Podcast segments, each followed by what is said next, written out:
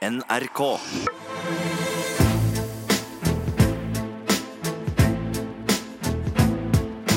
Trump mot verden med Gjermund Eriksen og Sean Henrik Matheson. McKinney said yesterday that he was really upset with the political influence in foreign policy. That was one of the reasons he was so upset about this. And I have news for everybody get over it. There's going to be political influence in foreign policy. Ja, der, der satt den, Gjermund. Det kan du si. Der har man eh, nok en innrømmelse på tape foran alle kameraene. Ja. Det er høyrehånda til Donald, White House Chief of Staff. Mick Mulvaney, er ikke det han heter? Jo, Jo, ja. en ganske godt casta eh, slimål. du, sier, du sier det like greit rett det, ut. han har snakket seg inn i og ut av ting. Det er Spørsmålet er hvordan han klarer å snakke seg ut av at han innrømmet på TV det han gjorde i går, nemlig at det er klart vi eh, driver og presser folk med å trekke militærhjelp når vi vil ha politiske tjenester Ja. eh, som, som, som hjelper mitt politiske parti inn i det, vårt valg. Eh, han har allerede trukket uttalelsene. Han har gjort det. Eh, eh, nei, han, jeg tror han sa liksom at det er fake news. Ja, det kan godt hende. Det skal overraske meg ikke. dette, Ja. at det er på tape. Ja, det er på tape. Klassisk opplegg fra den eh, regjeringen der og administrasjonen. Vi skal snakke mer om Mick Mulvaney. Det kommer lenger ned i løypa, Kommer- for det lenger har skjedd ting. Skjedd mye. Velkommen til Trump mot eh, verden. Jeg heter Sean Henrik Matheson. Gjermund sitter her, som du har hørt, rett ovenfor meg. Takk og pris for det.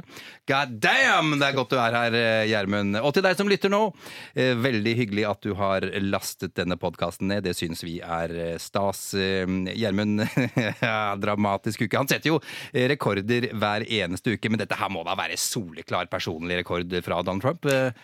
Eller? Det, klarer, det, det, altså det har skjedd så mye i løpet av Ja, ja, ja. tre år. Jeg tror vi bikka 1000 dager har han vært president. At vi er inne i det 1001. døgnet, eller om vi er i døgn 1000. eh, at det er vanskelig å si. Mm. Men det er klart, det er større ting som står på spill nå. Mm. Uh, og vi, særlig det som har skjedd i utenrikspolitikken, rokker liksom fundamentet om hvordan USA ser seg selv. Akkurat. Jeg tenkte på en film uh, som gjorde litt vondt inni meg. Ja. Eh, Braveheart. Gode gamle Braveheart. Ja, når Mel Gibson er denne skotske helten som Blå, blå maling i ansiktet. Blå maling i ansiktet, og de er, driver et svært slag og har fått med seg tre skotske grever som skal hjelpe dem i slaget mot den utrolig onde britiske eh, kongen. Eh, og de er i ferd med å vinne slaget, og så reiser Robert Bruce og de to andre grevene De sviker Braveheart i det slaget. Og det er det Donald Trump gjør mot kurderne nå. Eh, han er cut and run president. Og det det går på noe fundamentalt ved karakteren USA. Hvis vi bare hva er karakter. Ja, ja. Tusen definisjoner. Vi tar ikke alle, men vi tar den som eh, flest bruker i Hollywood. Eh, Robert McKee, som er Aristoteles, han sier 'character revealed, is revealed under pressure'. Når det, er, når det står maks på spill, da ser du hva det mennesket egentlig er. Og der har Donald nå, når det står maks på spill, gjort flere ting denne uka som jeg tror ikke er heldig for hans karakter, og som utfordrer kjernen i hvordan USA ser seg selv. Som er noe helt annet enn hvordan USA er. Men la oss se, USA skal ta en ordentlig grov pensel, så ser de på seg selv som western. I- Som okay. cowboyhelter Ja, ja, ja. i en western. Ja. Eh, og dette er ikke, jeg, jeg drar ikke opp denne metaforen av uh, lomma. Det er mange som bruker. De ser på seg selv som denne en, ensomme sheriffen, eller ensomme som slåss for rettferdighet, og rydder opp. Og der er det liksom tre store fordelinger. No one is above the law. Det betyr at du har lov til å gjøre hva faen du vil hvis noen prøver å heve seg over det som er helt Det fortjener du. Den andre er abuse of power. Altså det at noen bruker makta si. Tenk for deg en klassisk cowboy hvor en by kontrolleres av en slem rancheier som bare ødelegger alle de andre små ranchene og driver de hederlige forretningsmennene, er kvinner og barn, fra hverandre. Det er de helt imot. Og den tredje det er jo at du hjelper jo uskyldige allierte. Altså de du, du får noen til å stå opp mot den slemme. Og de slemme skal, de som hjelper deg, de må du beskytte at any price. Og det er kurderne. Kurderne. De mista, har mista 10 000 i kampen mot IS. USA har ikke mista så mange, for å si det forsiktig. Og USA har svikta folk i eh, regimeskifte i Iran, men da svikter de iranernes kamp med seg selv. Og de har svikta i Venezuela og rundt omkring på kloden. Så bytter de folk, og de lager allianser. Men det at de sviker noen som har hjulpet dem å slåss mot sin fiende, Ja. det har de ikke gjort ofte, slik jeg husker det. Akkurat. Og derfor tror jeg dette stikker dypere. At eh, de siste fire-fem ukers hendelser som Ja. har kommet fram, Ja. det utfordrer USAs karakter. Og så får vi se om det får en konsekvens, da. Men hvor er det det stikker? Altså, Hos hvem stikker dette? Nei, altså, Det stikker ikke bare i beinharde demokrater som uansett vil ha vekk Donald, men at det gjør vondt inne i folkesjela til en texaner eller midt i Ohio eller i Minnesota. Eh, For de er, bevisst, sin- de er bevisst denne tankegangen, Ikke- alle som en Ikke bevisst, men de er Nei. programmert av seg selv. For de er veldig flinke til å tro at USA er the land of the free and the home of the brave Ja, the best country in the world and everything like Yes, that. I know, I know, I know. Ja. Yes, I- I men der er vi inne i det dramaet, og den type karaktertegninger, der har det skjedd mye denne, denne uka, hvor folk er satt på urimelige prøver. La oss da dundre videre i vår oppsummering av det som har kommet fra Det hvite hus denne uka. De viktigste sakene i amerikansk politikk. Det er 18. oktober. Det er eh, formiddag, ja, dag 1000 eller dag 1001 av hans eh, presidentskap. Eh, Taper han, så er det 459 dager igjen, med et ørlite forbehold, eh, Gjermund. Tre ting vi må snakke om i dag.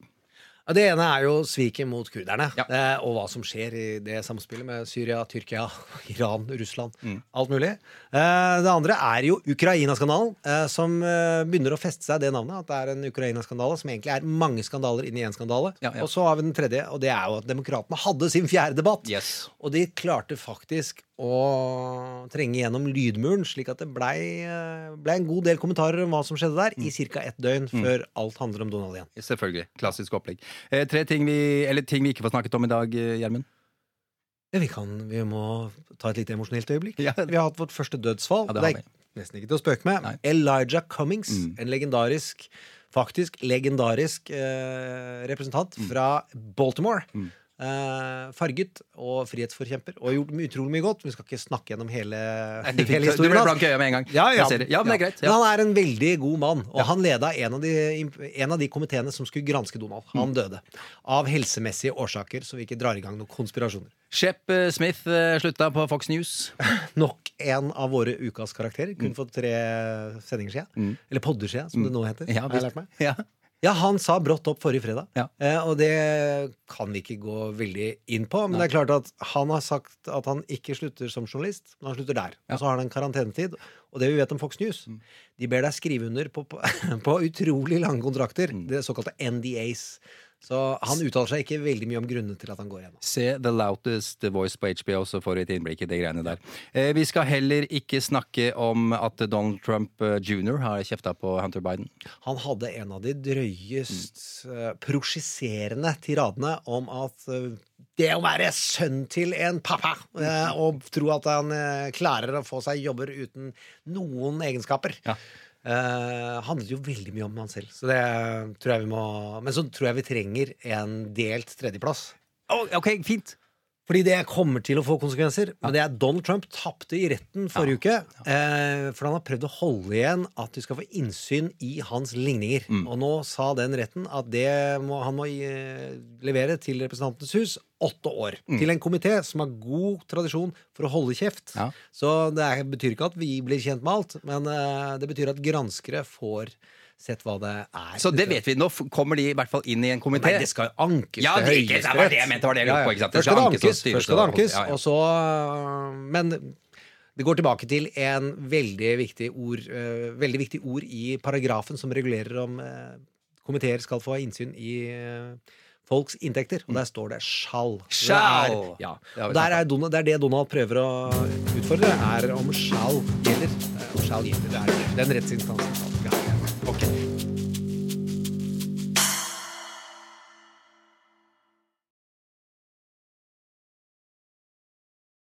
I forrige uke Gjermund, så satt vi her og var litt rann, eh, sjokkerte, nesten. Eh, Donald Trump hadde akkurat eh, trukket de amerikanske styrkene ut fra det nordøstlige Syria. Det er fortsatt amerikanske styrker andre steder i Syria, bare for å nevne det. Men uansett, Trump la da med dette veien åpen for Erdogan til å invadere.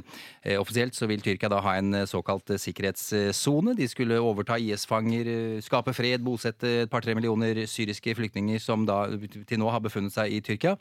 Eh, sannsynligvis er da det virkelige målet den kurdiske YPG-militsen som samarbeider med PKK-geriljaen. Tyrkia er da redde for at kurderne skal kreve en selvstendig region. slik de har gjort i Irak og Syria. Det er greit å ha det på plass, Gjermund, før vi banker i gang her, syns jeg. Det si. Eh, Det har fått store konsekvenser, eh, dette her. Hva har skjedd, Gjermund? Hvis man bare prøver å regne på det geopolitiske kartet, altså sånn oversiktsbildet, slik jeg har forstått det gjennom amerikanske medier Ja. Jeg er ikke uh, ekspert på Tyrkia, uh, Syria, eh, enig. Iran, Irak eller Russland. bare så det er sagt. Det er fint. Men det uh, ut, På utrolig kort tid uh, så blir kurdernes uh, foothold, altså det at de klarer å holde seg fast, blir løsrevet. Det kommer en del IS-flanger på avveie. Det er, betyr at terrorister, og det er noe av det som har preget USA mest, er at man må fange og ta terrorister. De er på avveie. Eh, Kurderne er nødt til å alliere seg med syrerne, mm. og de står i ledtog med russerne. Det vil si at dette er en seier for Russland, Iran og Tyrkia. Og IS, Men på sett og vis.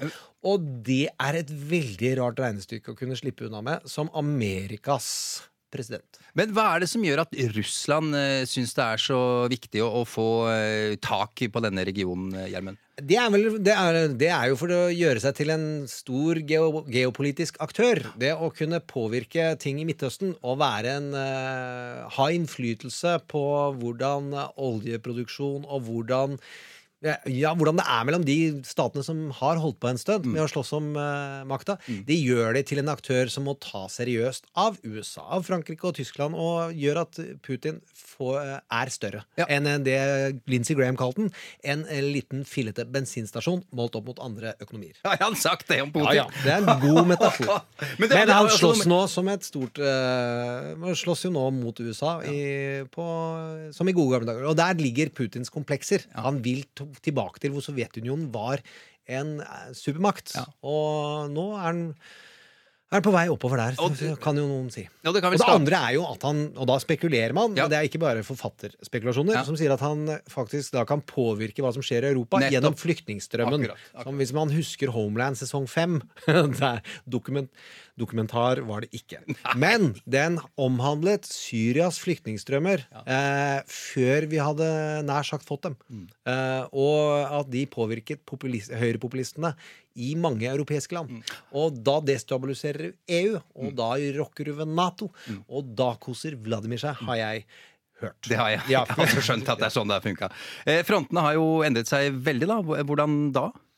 Nei, det er jo at uh, senatorer, for eksempel, er ikke lenger i fullstendig uh, går i takt med hva Donald sier. Her har, hører vi Lindsey Graham, en av hans sterkeste støttespillere, som er Altså nesten i nærheten av tårene når han snakker om hva som skjer her.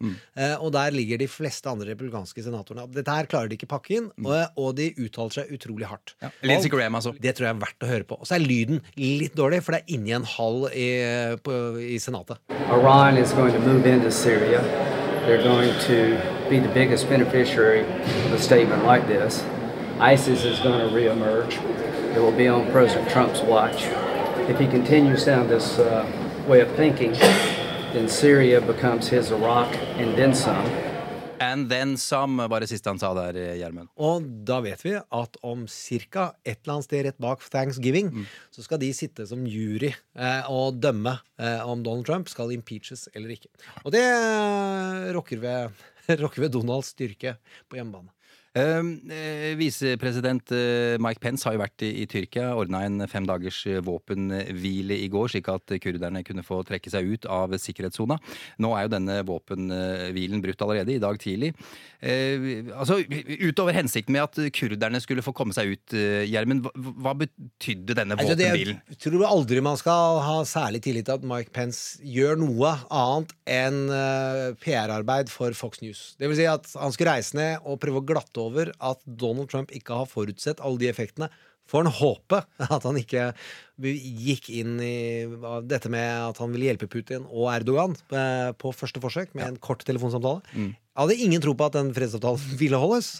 Og jeg tror vel heller at Erdogan nå sitter og tenker Donald Trump Han sitter kanskje et år til, eller så sitter han i fem år til. Men jeg skal i hvert fall ha de der eh, de der geografiske posisjonene jeg har vunnet nå, det, de skal jeg ha, for jeg skal ikke gå av som president. Ever. Men, men er dette da liksom for å vise hvor flinke de er, da? Altså at Mike Pence Ja, nå har vi ordna våpenhvile, se hvor gode vi er. Er det det du mener med PR-kampanjen på Ja, Fox fordi eh, News? de, har, eh, de trenger å vise overfor basen sin at de gjør noe, at de har noen positiv effekt. Og så bryr de seg jo ikke så mye. Det snakka vi om forrige uke. Gaslighting. Altså at de tar gladelig og lyver så lenge deres tilhengerskare tror på dem.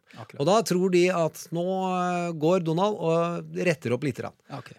Noe han ikke gjør. Fordi tyrkerne kommer jo til å kjøre over kurdere ganske lenge nå. Ja, det er helt, Tror jeg. Det, sannsynligvis.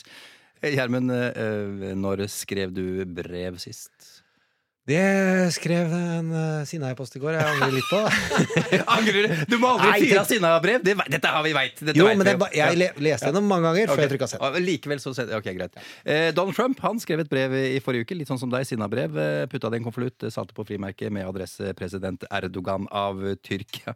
Kan ikke du fortelle hva som sto i dette brevet? Det klarer jeg ikke helt. eh, Men jeg vil heller si det sånn at hvis du leverte det brevet som en eksamensoppgave på ungdomsskolen, eh, la oss si åttende trinn, eh, så hadde du fått noen. Det er et nytt karaktersystem der ute, det vet jeg.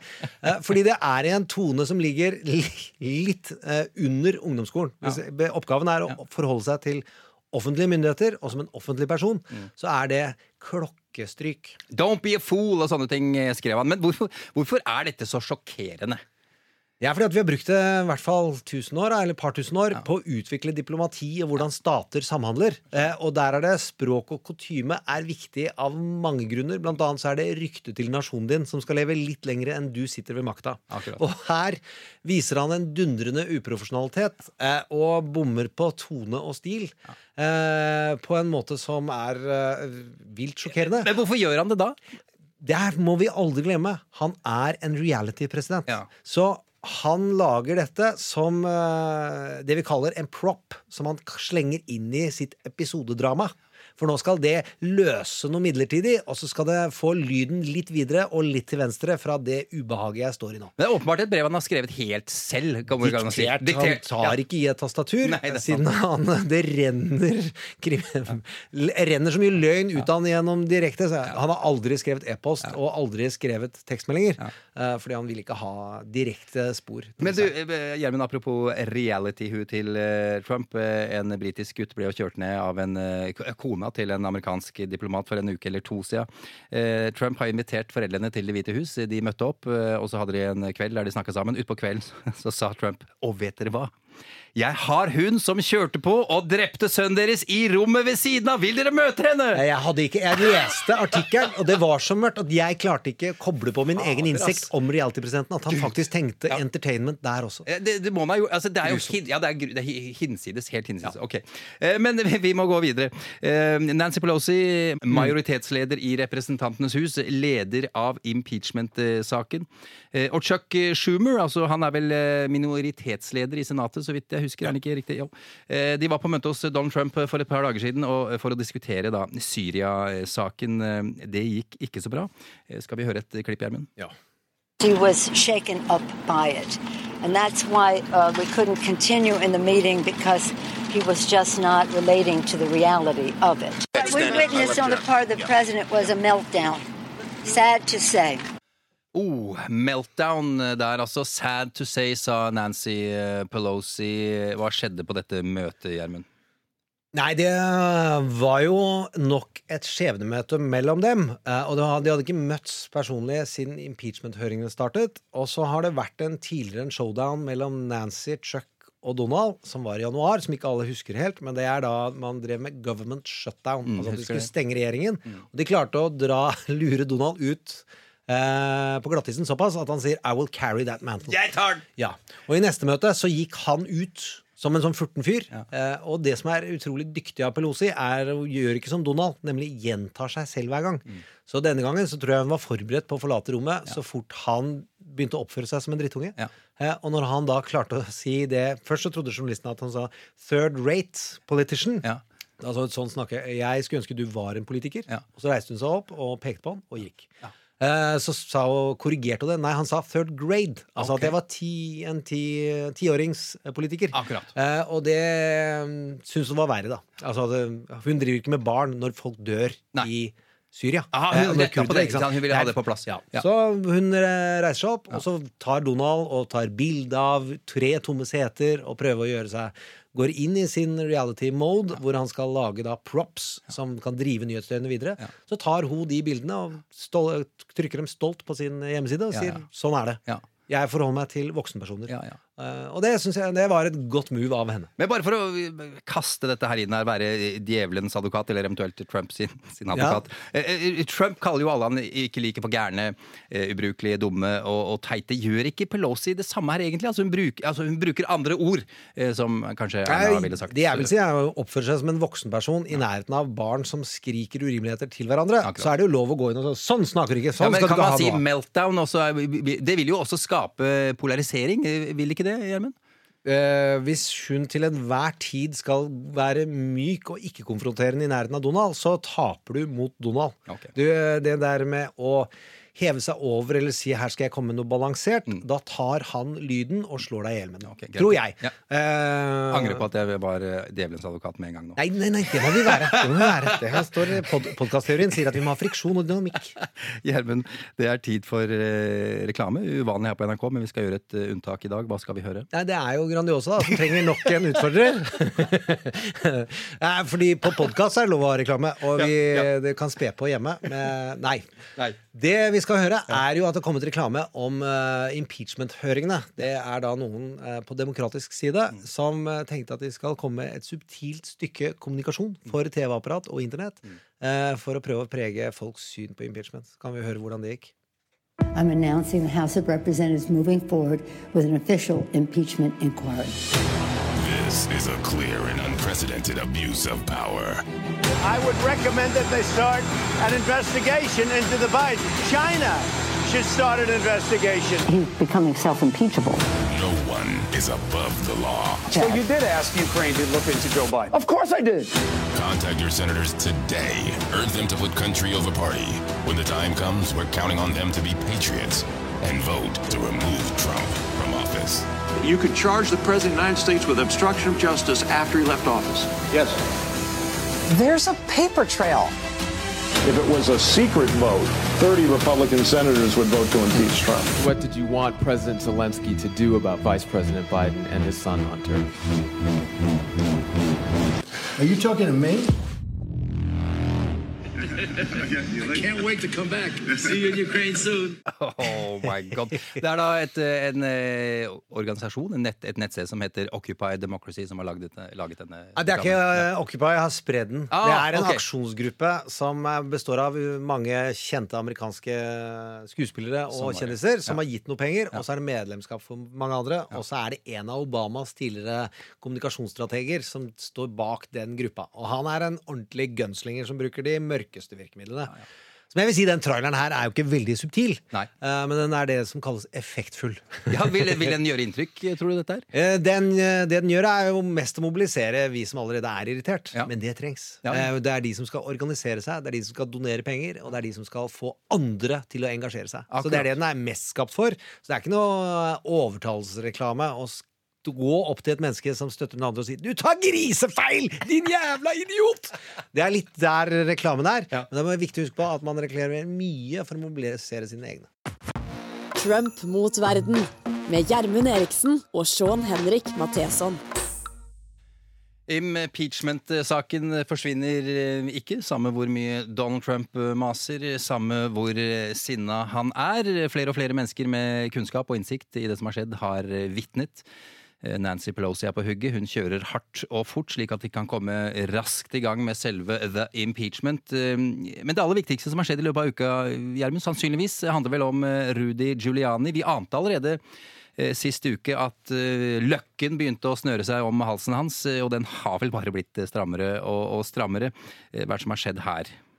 Det er øh, mye drøyere enn det man har trodd. Eh, altså Vi hadde ikke helt overblikket. Var det to stykker som var arrestert på en flyplass på vei til Sveits. Ja, det, var, Hvor det, var det vi viste sist uke. Ja, litt sånn uh, egentlig russere, men fra Ukraina, men jobber i USA. Eh, og da er det arrestert to til i den samme saken. Og så er det en sammensausing av alt hva de driver med. Men Rudi har tydeligvis samarbeida med en eh, russisk oligark som eier mye gassinteresser, som er, som er ettersøkt for korrupsjon i blant annet USA. ja. og jobba for å få penger til det republikanske partiet. Og så er det fortsatt uklart om Donald skal ha noe av det, eller om det er eh, bare det republikanske partiet som skal ha det, eller noen kandidater her og der. Men det er da å bryte veldig sentrale lover, som Cohen, den forrige advokaten til Donald Trump, sitter i fengsel for. Når han hjalp til med ulovlige penger eh, å betale en pornomodell for at det ikke skal komme fram i valget, så bryter du en sentral eh, valgkamplov, nemlig det er ikke lov med ulovlig bidrag. Nå har de hentet penger fra utlandet.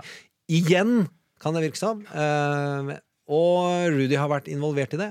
Så viser det seg at han også har vært det som kalles counter intelligence investigation fra FBI i en lengre periode. Ja. Hva betyr det? Nei, Det betyr at du er eh, under andre paragrafer som er mye mer alvorlig for hvor lang fengselsstraff du kan få. Hvis Er du, du, samarbeider på, er du på treason Unnskyld at jeg avbryter hele tida nå, Gjermund. Er du da på treason og sånn, eller? Treason, Altså, for- ja. ja, akkurat treason Dette eh, er en vanskelig paragraf, for treason er bare knytta til land eh, USA er i krig med. Av en eller annen grunn så konstruerte de lovene slik. Men at du eh, Det betyr ikke at de ikke har nok lover å slå deg i huet med dersom du samarbeider med og spionerer. Men spionasje er da ikke treason. Men når det er uh, counterintelligence investigation, så har du andre paragrafer og andre innsynsmuligheter som etterforsker. Og så er den etterforska allerede, og det er FBI, på nakken. Og så er etterforska av den mest legendariske statsadvokatembetet i USA, nemlig det vi har lært oss å si, SDNY. SDNY, Southern District of New York. Hvis du har sett på Billions eh, på er det HBO, eh, så er det da rollen til Paul Giamatti. Han er da Ja. sjef i SDNY. Ja, et av de sterkeste og stolteste eh, statsadvokatkontorene i USA. Som Rudy Giuliani selv har vært leder for! og hvor han var mafiamotkjemper, og som var hans plattform for å vinne og bli borgermester i New York. De er på They're on his ass. Ja, det er jo Jeg må slutte å gå med sånne norsk-amerikanske ting. Jeg liker veldig godt at du gjør det. Fortsett med det, Gjermund. Du, I går ble det meldt at eh, Ja, var vi ferdig med Rudi? da? Er det Ja, altså det er, han er under utrolig etterforskning, og han, det man sier, er at uh, han burde ikke ha seg selv som advokat lenger. For Nei. den som har seg selv som advokat, har en idiot til klient, og en jævla idiot som advokat. Det har jeg sett på TV mange ganger. Ja, det er en klisjé. I går ble det meldt at eh, Rick Perry skal gå av. Eh, Energiminister i Trumps eh, regjering. Eh, Presidentkandidat for eh, republikanerne i 2016 var vel den første som ga seg, så vidt jeg husker. Og det er der vi kommer dypere inn i Ukraina-skandalen, hvor vi trodde den starta når Donald tok telefon eh, og eh, drev med pre quid pro quo. Eh, do me a favor. Eh, I would like you to do me a favor though, som han sa. Eh, de Rick Perry ble kalt inn allerede i mai. Eh, så- Kalt inn hvor? Kalt inn til Det hvite hus for å ta over Ukraina-saken, for å hjelpe Rudy Giuliani. Og de oppretta, og shit you not, og tilbake til reality-presidentskapet, det de kalte Tres Amigos. De kalte seg selv det på ordentlig? Kalte seg Tres Amigos, eh, hvor eh, Rick Perry eh, og Kurt Volker, han som vitna med tekstmeldingene forrige uke, og en som heter Soundland, som vitna i går. De gikk sammen og fikk ansvar om å hjelpe Rudy Giuliani og hive ut hun der ambassadørdama og alle som prøver å si at det er noen lover og regler for hvordan amerikansk utenrikspolitikk skal utøves. Og det finnes noen lover og regler som sier at du har ikke lov å hjelpe deg selv til å vinne ved gjenvalg ved utenlandske interesser. Hva skjedde? Hva, hvilke meldinger var det Kurt Volker eh, forholdt seg til med de tekstgreiene? Ja, han, han sendte noen meldinger hvor han ble spurt øh, ganske hardt av den andre hele tiden. Men du, vi kan da ikke holde på å presse og holde igjen militærhjelp fordi vi vil ha vennetjenester. Og da ble det stille på tekstmeldingsfronten. Eh, og etter fire timer så kom det en tekstmelding eh, Vi ser eh, at eh, det kan ha misfor blitt misforstått, og at presidenten på ingen måte har drevet med quid pro Altså det ble en hva- PR-melding av en tekstmelding. Akkurat. Og den etterforskes som et uvær. Men du, eh, slutter eh, Rick Perry frivillig, eller er det 'you're fired'? Eh, han er He has tons of problems. Det vet vi ikke, men han har store problemer. Og enten så går han av fordi at uh, det er lurt å gå av Titanic, eh, tenker han, eller så er det at han vil eh, Uansett får skylden av Donald fordi han rota det til. Og han er da den øverste politiske i det Tres Amigos. Så er det han, han er på ministernivå. Men han er energiminister. Og så er det jo disse pengene som har flyttet, har flyttet tilbake til Texas, der han kommer fra. Og hvor det er en representant som har lyst på dem. De valgkamppengene. Så det er, det er mange skandaler inni en skandale. Jeg skjønner. Eh, hva så med stabssjef Mick Mulvaney, som vi hørte innledningsvis? Altså, som tidligere denne uka nærmest kom en, ja, en reinspikka innrømmelse av at det var faktisk en eh, quid pro quo-situasjon med Ukraina. Han sa et eller annet som Hei, Ukraina, finn ut av denne dataserveren til demokratene! Ellers så blir det ikke noe penger eller eh, våpen. Og til pressen sa han omtrent dette her. Sånn er det! Deal with it! Nå drar jeg en Adam Schiff her og parafraserer, bare så det er sagt. Det er en sjanse å ta, det veit jeg, har jeg lært, men allikevel. Det liker vi. Ja.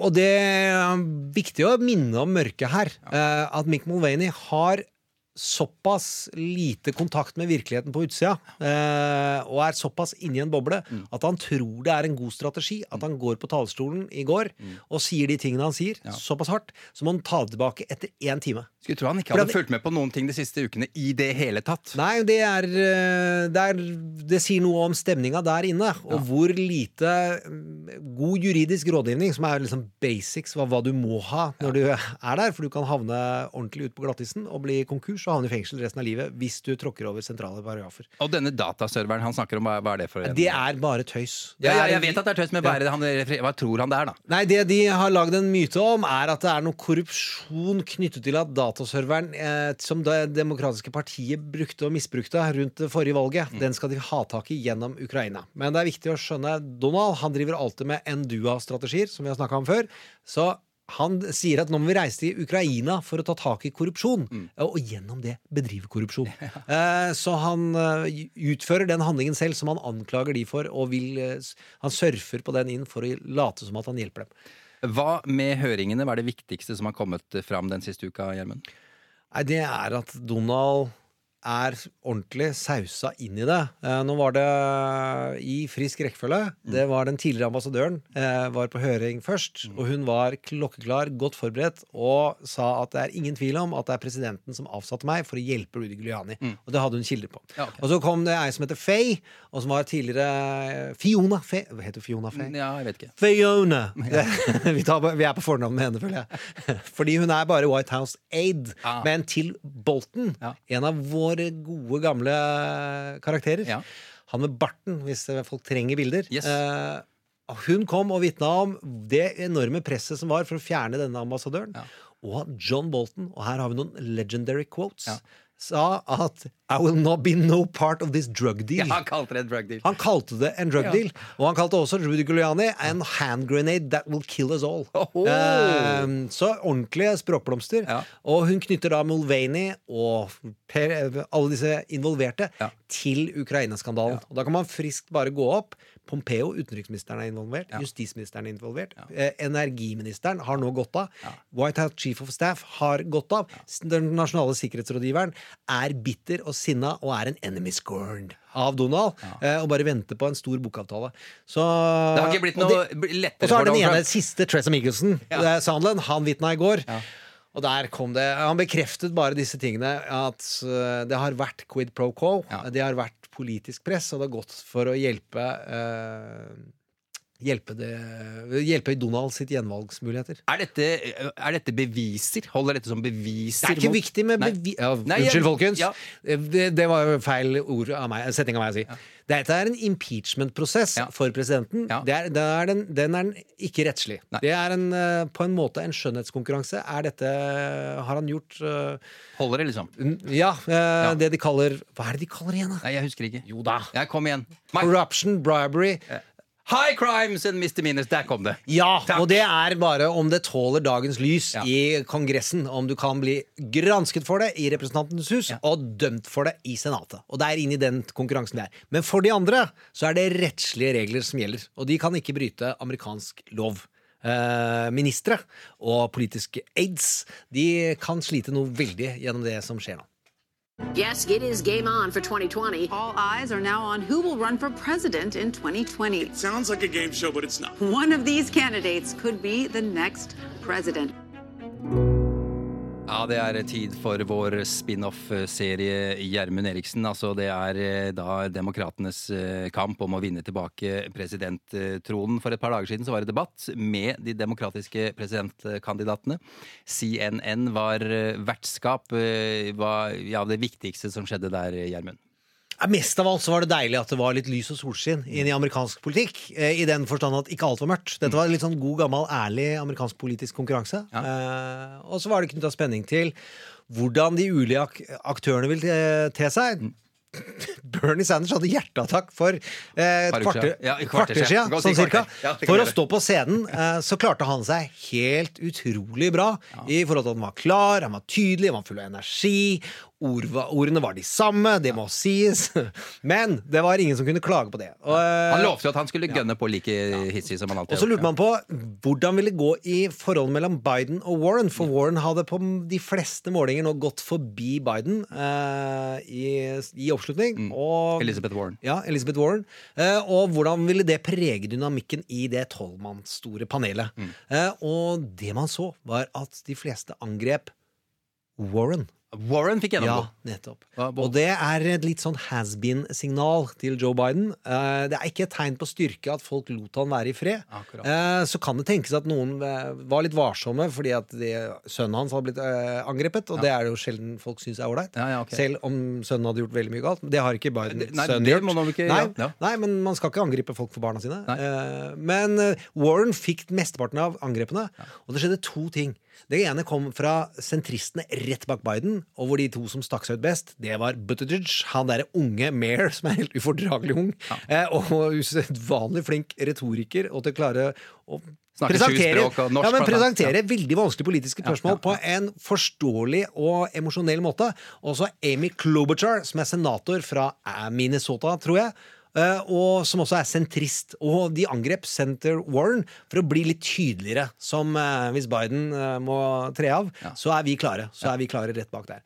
Og de fem var de som skilte seg mest ut, vil jeg si. Akkurat. Men så det er en god ting å bli angrepet når du skal under en presidentkandidat? Hvis du, er klarer å stå det, hvis du klarer å stå igjennom det og eh, ta det som en sterk kvinne Og Elizabeth Warren ble ikke vippet av pinnen av noen av disse angrepene.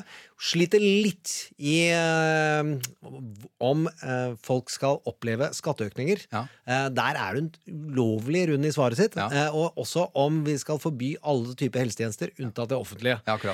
På en annen side, der er hun da også dyktigere politiker enn Bernie Sanders. Fordi Bernie har da polit eh, politiske forslag som aldri vil bli gjennomført i USA, nemlig å legge ned det private helsevesenet. Det får du ikke gjort på, på en presidentperiode. Det er helt sikkert. Og det er vanskelig nok å utvide den offentlige.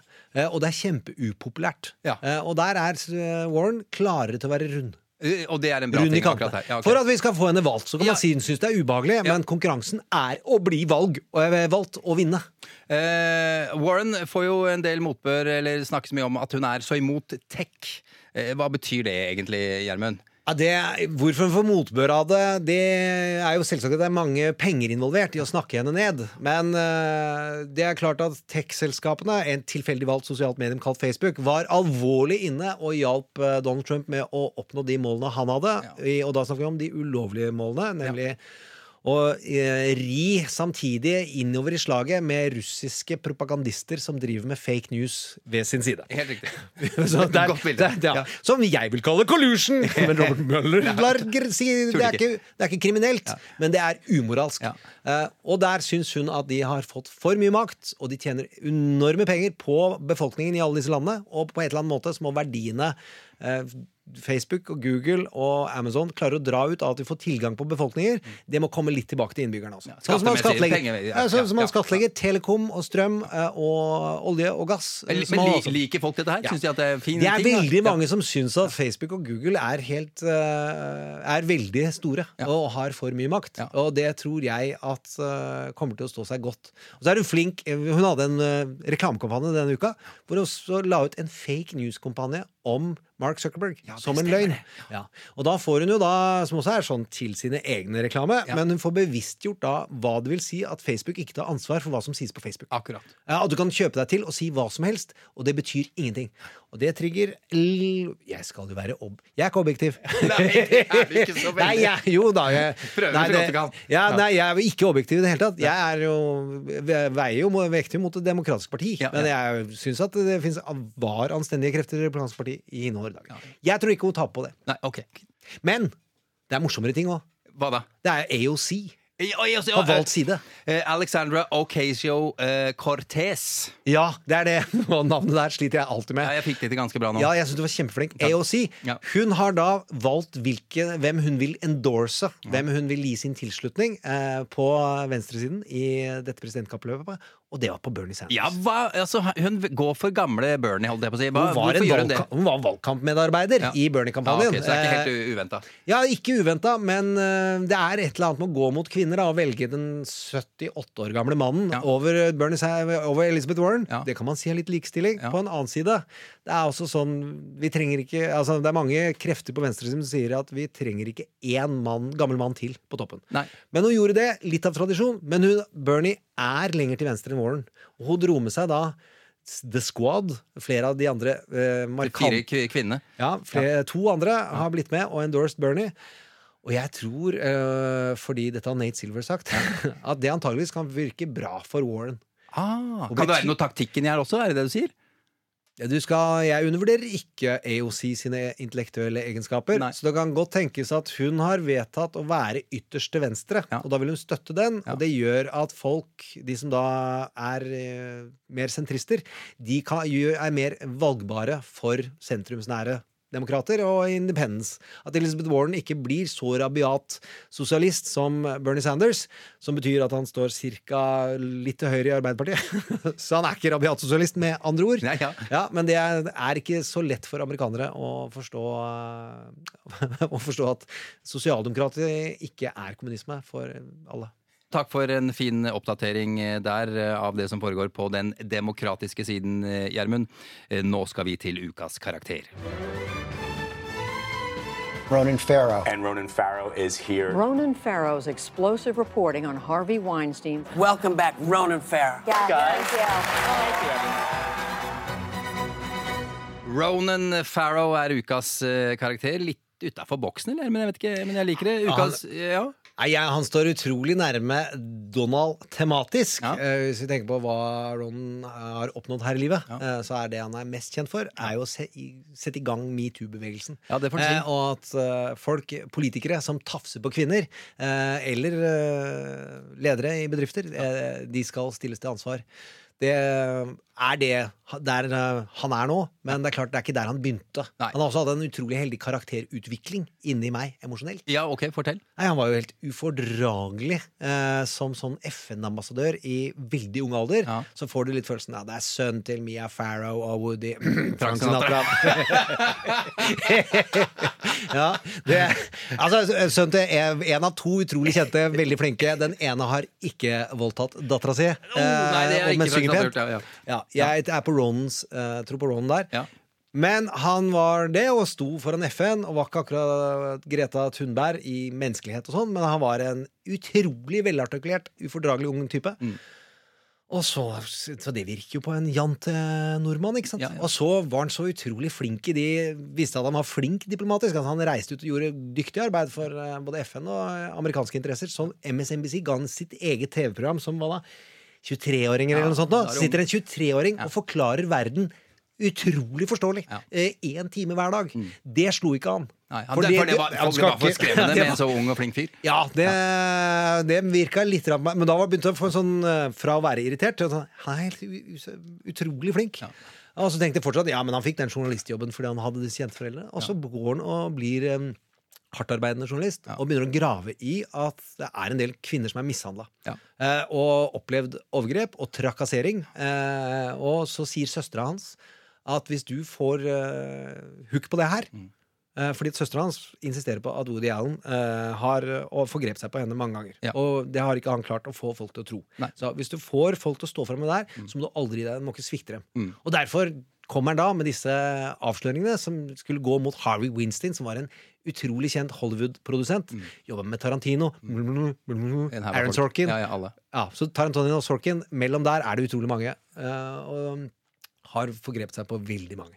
Og så ble det utrolig mye motbør, eh, og så ble han tvunget til å gå til New Yorker isteden. Ja, men tvunget, det er jo, det er jo der han starta dette metoo-avsløringen Nei, han starta i NBC, men Ja. de ville ikke gå ut med sakene hans. Og Som derfor så ble ja! motarbeida Ja, av NBC, en av USAs største TV-stasjoner. Godtok ikke journalistikken, og den var vanlige folk hadde blitt limt til veggen fordi for de kildene han hadde. Men de turte ikke gå mot Weinstein pga. rettssak-trusler. Bare hvordan skape ubehag i the upper echelons of eh, media and pop culture i New York. Det turte de ikke. Gikk inn til New Yorker, klinte til eh, og satte i gang hele metoo-bevegelsen med Harry Weinstein først, og Matt Lauer. Et svin av en programleder på morgensendingene i, på NBC. Ja, for det kom jo en, det kom en, bok, en ny bok fra Ronan Farrow nå sist eh, tirsdag, der nettopp NBC får gjennomgå, og spesielt da den falne helten, eh, morgen-TV-verten eh, Matt eh, Lauer. Catch and Kill. Som jeg aldri har likt selv, Nei. før jeg visste det. Jeg, synes han var, jeg likte han, han var en morsom fyr. Han var med på i alle sånne, sånne sitcoms og hadde en sånn sjarmerende rolle liksom bestandig. Jeg syns alltid han var et eller annet problematisk. Ja, okay. Eh, en det eller jeg, annen aura av unnskyld. Ja. Men, Noe eh, dritt. Det så du, det så ikke jeg. Nei, det aner jeg. har dømt feil mennesker, altså. Jeg dømte jo Ronan Farrow feil. Jeg har akkurat innrømt at jeg tar dundrende feil innimellom.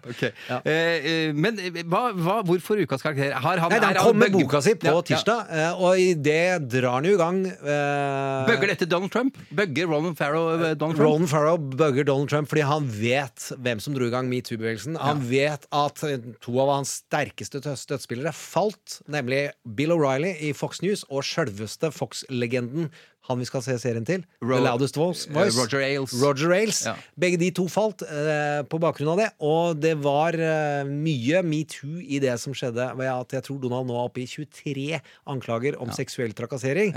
Eh, og vi legger alltid til Vi legger alltid til voldtektsanklagen fra hans ekskone. Ja, som, som, er, som ble trukket fordi Ja. han fikk, eh, hun fikk mye penger. Veldig mye penger. Eh, Gjermund, der er vi jaggu i mål Ja, for vi slutta på ukas gladstemning. Vi slutta på skikkelig gladstemning. Men vi er i mål for ukas episode av Trump eh, mot eh, verden.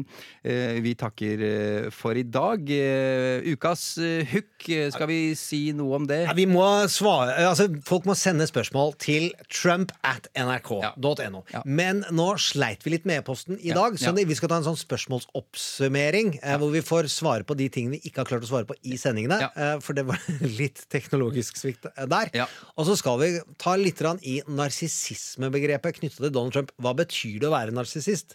Eh, og gå til en som kan den type ting. Tenkte jeg at vi skal klare å gjøre neste uke. Ja, Glimrende. Eh, ja, Trump at nrk.no, det er adressen. Ja, ja, du er sikkert skuffa over at vi ikke har tatt spørsmålet, men det skal vi altså gjøre. Vi sleit litt med, med mail i dag, rett og slett. Pussig opplegg, egentlig. Helt merkelig. Ja, men det var en brevepisode, så Ja. tematikken sømma seg at det var slit med brevepisode. Eh, Gå inn på iTunes og rate oss, da blir vi glade. Eh, Vi avslutter som vanlig med en trailer. Hva har du lyst til å si om den, Gjermund? Jeg tror at det er viktig å skjønne at i dette at vi klarer å lage noe underholdende i det, så ligger det også et mørkt drama. Eh, og Game of Thrones mm. hadde alle de kreftene i seg. Og det er klart, det Winter is coming.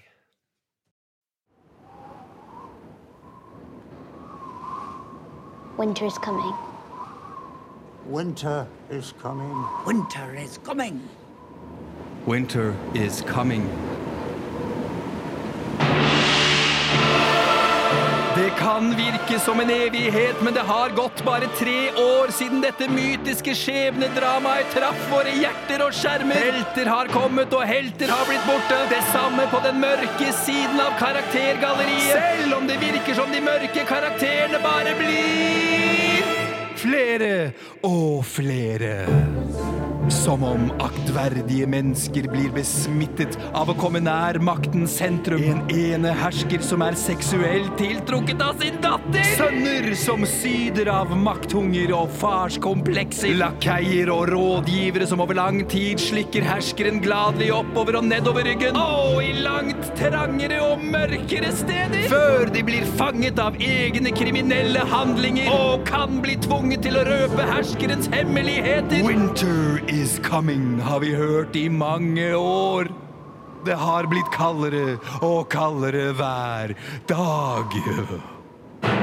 Og rett rundt hjørnet er det valg! Vi høres neste fredag i neste episode av Trump mot verden. Verdens største politiske drama er virkelighet. Og det kan bli det siste drama vi alle er med på.